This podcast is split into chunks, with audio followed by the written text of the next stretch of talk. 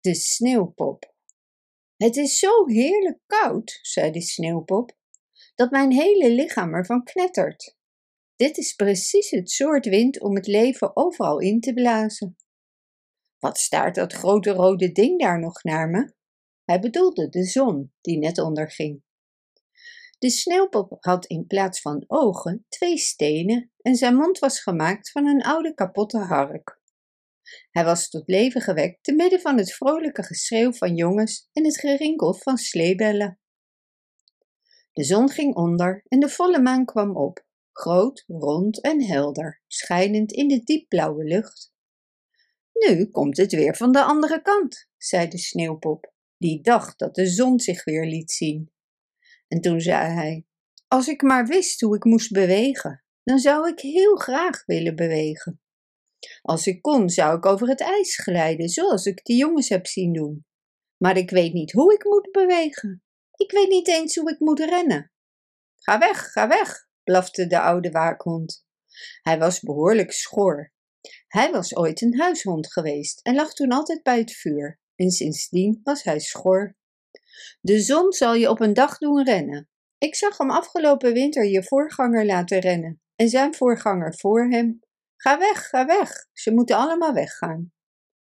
Ik begrijp je niet, zei de sneeuwpop. Dat ding in de lucht zal me leren rennen. Ik heb het een tijdje geleden zelf zien rennen en nu is het van de andere kant naar boven gekomen. Jij weet helemaal niets, antwoordde de waakhond, want je bent pas kort geleden gemaakt. Wat je nu ziet is de maan en die ervoor was de zon. Morgen komt hij weer en hoogstwaarschijnlijk zal het je dan leren rennen. Ik denk dat het weer gaat veranderen. Ik voel prikken en steken in mijn linkerbeen. Ik weet zeker dat er een verandering gaat komen. Ik begrijp hem niet, zei de sneeuwpop tegen zichzelf. Degene die vanmorgen stond te staren en die hij de zon noemt, is niet mijn vriend in elk geval, dat weet ik wel. Ga weg, ga weg, blafte de waakhond. En toen draaide hij zich om en kroop in zijn kennel om te slapen. Er was echt een verandering in het weer.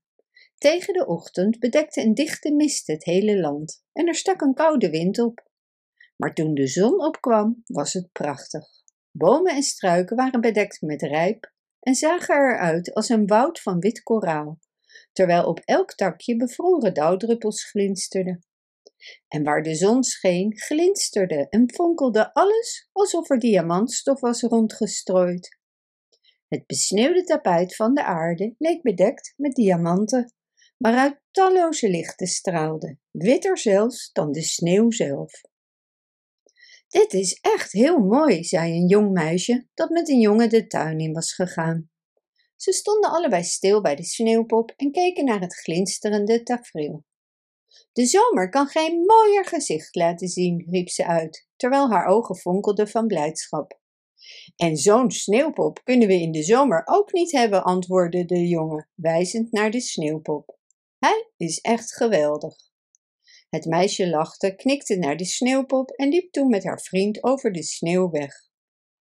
Wie zijn deze twee? vroeg de sneeuwpop aan de waakhond. Jij bent hier al langer dan ik. Ken je ze? Natuurlijk ken ik ze, antwoordde de waakhond. Zij heeft me vaak over mijn rug gestreeld en hij heeft me een bot gegeven. Ik bijt die twee nooit.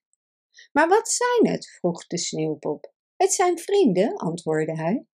Zijn het dezelfde soort wezens als jij en ik? vroeg de sneeuwpop. Nou, ze horen bij hetzelfde huis, zei de waakhond. Zeker, ik heb veel kennis. Mensen die pas gisteren zijn geboren weten heel weinig. Dat zie ik aan jou. Ik heb leeftijd en ervaring. Ik ken iedereen in huis. En de hond vervolgde: Ze hielden vroeger heel veel van mij.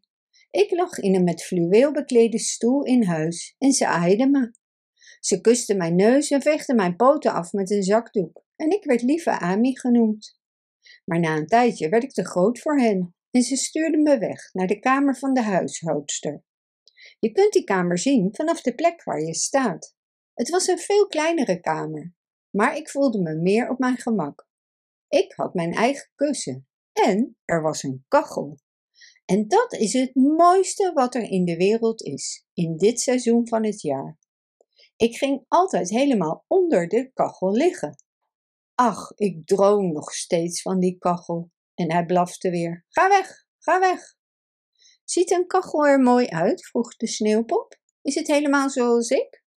Het is precies het omgekeerde van jou, zei de hond. Hij is zo zwart als een kraai en heeft een lange nek en een koperen knop. Hij eet brandhout zodat het vuur uit zijn bek komt. Je kunt hem zien door het raam van waar je staat. Toen keek de sneeuwpop en zag een glanzend gepolijst ding met een koperen knop en vuur dat in het onderste deel ervan brandde. De sneeuwpop voelde een nogal rare gewaarwording over zich heen komen. Het was heel vreemd. Hij wist niet wat het betekende. Waarom ben je dan weggegaan? Hoe kon je zo'n comfortabele plek opgeven? Ik ben eruit gegooid, antwoordde de waakhond. Ze hebben me hier vastgeketend. Ik had de jongste zoon in zijn been gebeten omdat hij het bot had weggetrapt dat ik aan het knagen was. Ze waren heel boos en vanaf die tijd ben ik vastgemaakt met een ketting. Hoor je niet hoe schor ik ben? Ga weg, ga weg. Ik kan niet meer praten zoals andere honden. Ga weg, ga weg. Dat is het einde van dit alles. Maar de sneeuwpop luisterde niet meer. Hij keek in de kamer van de huishoudster, waar de kachel op zijn vier ijzeren poten stond, ongeveer even groot als de sneeuwpop zelf. Wat voel ik toch een vreemd geknetter in mij, zei hij. Ik wil heel graag bij de kachel gaan zitten. Ik moet naar binnen en tegen haar aanleunen, ook al moet ik het raam daarvoor openbreken. Jij mag daar nooit naar binnen gaan, zei de waakhond, want als jij bij de kachel in de buurt komt, smelt je weg, helemaal weg. Ik kan net zo goed gaan, zei de sneeuwpop, want ik denk dat ik nu uit elkaar ga vallen. De hele dag stond de sneeuwpop door het raam naar binnen te kijken en in de schemering werd de kamer nog uitnodigender. Want uit de kachel kwam een zachte gloed. Niet zoals de zon of de maan, maar een fel warm licht dat uit een kachel straalt als deze goed is opgestookt. Toen de deur van de kachel werd geopend, schoten de vlammen uit zijn mond. Het licht van de vlammen viel direct op het gezicht van de sneeuwpop. Wauw, zei hij, hoe mooi is dit? Eens waren de ruiten van de kamer van de huishoudster bedekt met ijs. Het waren de mooiste ijsbloemen die de sneeuwpop ooit had gezien, maar ze verborgen de kachel. De ruiten ontdooiden niet en hij kon de kachel niet meer zien, aan wie hij dacht, alsof het een lieftallig mens was geweest. De sneeuw knetterde en de wind floot om hem heen. Het was precies het soort ijzig weer waar een sneeuwpop volop van zou kunnen genieten. Maar hij genoot er niet meer van. Hoe kon hij van zoiets genieten als hij de kachelziekte had? Dat is een vreselijke ziekte voor een sneeuwpop, zei de waakhond. Ik heb er zelf ook last van gehad, maar ik ben er overheen gekomen. Ga weg, ga weg. En hij voegde eraan toe: Het weer gaat veranderen. En het weer veranderde. Het begon te dooien. Naarmate de warmte toenam, werd de sneeuwpop steeds kleiner. Hij zei niets en klaagde niet. En op een ochtend brak hij en smolt helemaal weg. En waar hij had gestaan, bleef alleen nog een bezemsteel achter, waar de jongens hem omheen hadden gebouwd. Ah, nu begrijp ik waarom hij zo'n verlangen naar de kachel had, zei de waakhond. De veger die wordt gebruikt om de kachel schoon te maken, is aan de steel bevestigd. De sneeuwpop had een kachelveger in zijn lichaam. Dat was wat hem zo bewoog. Maar het is nu allemaal voorbij. Ga weg, ga weg.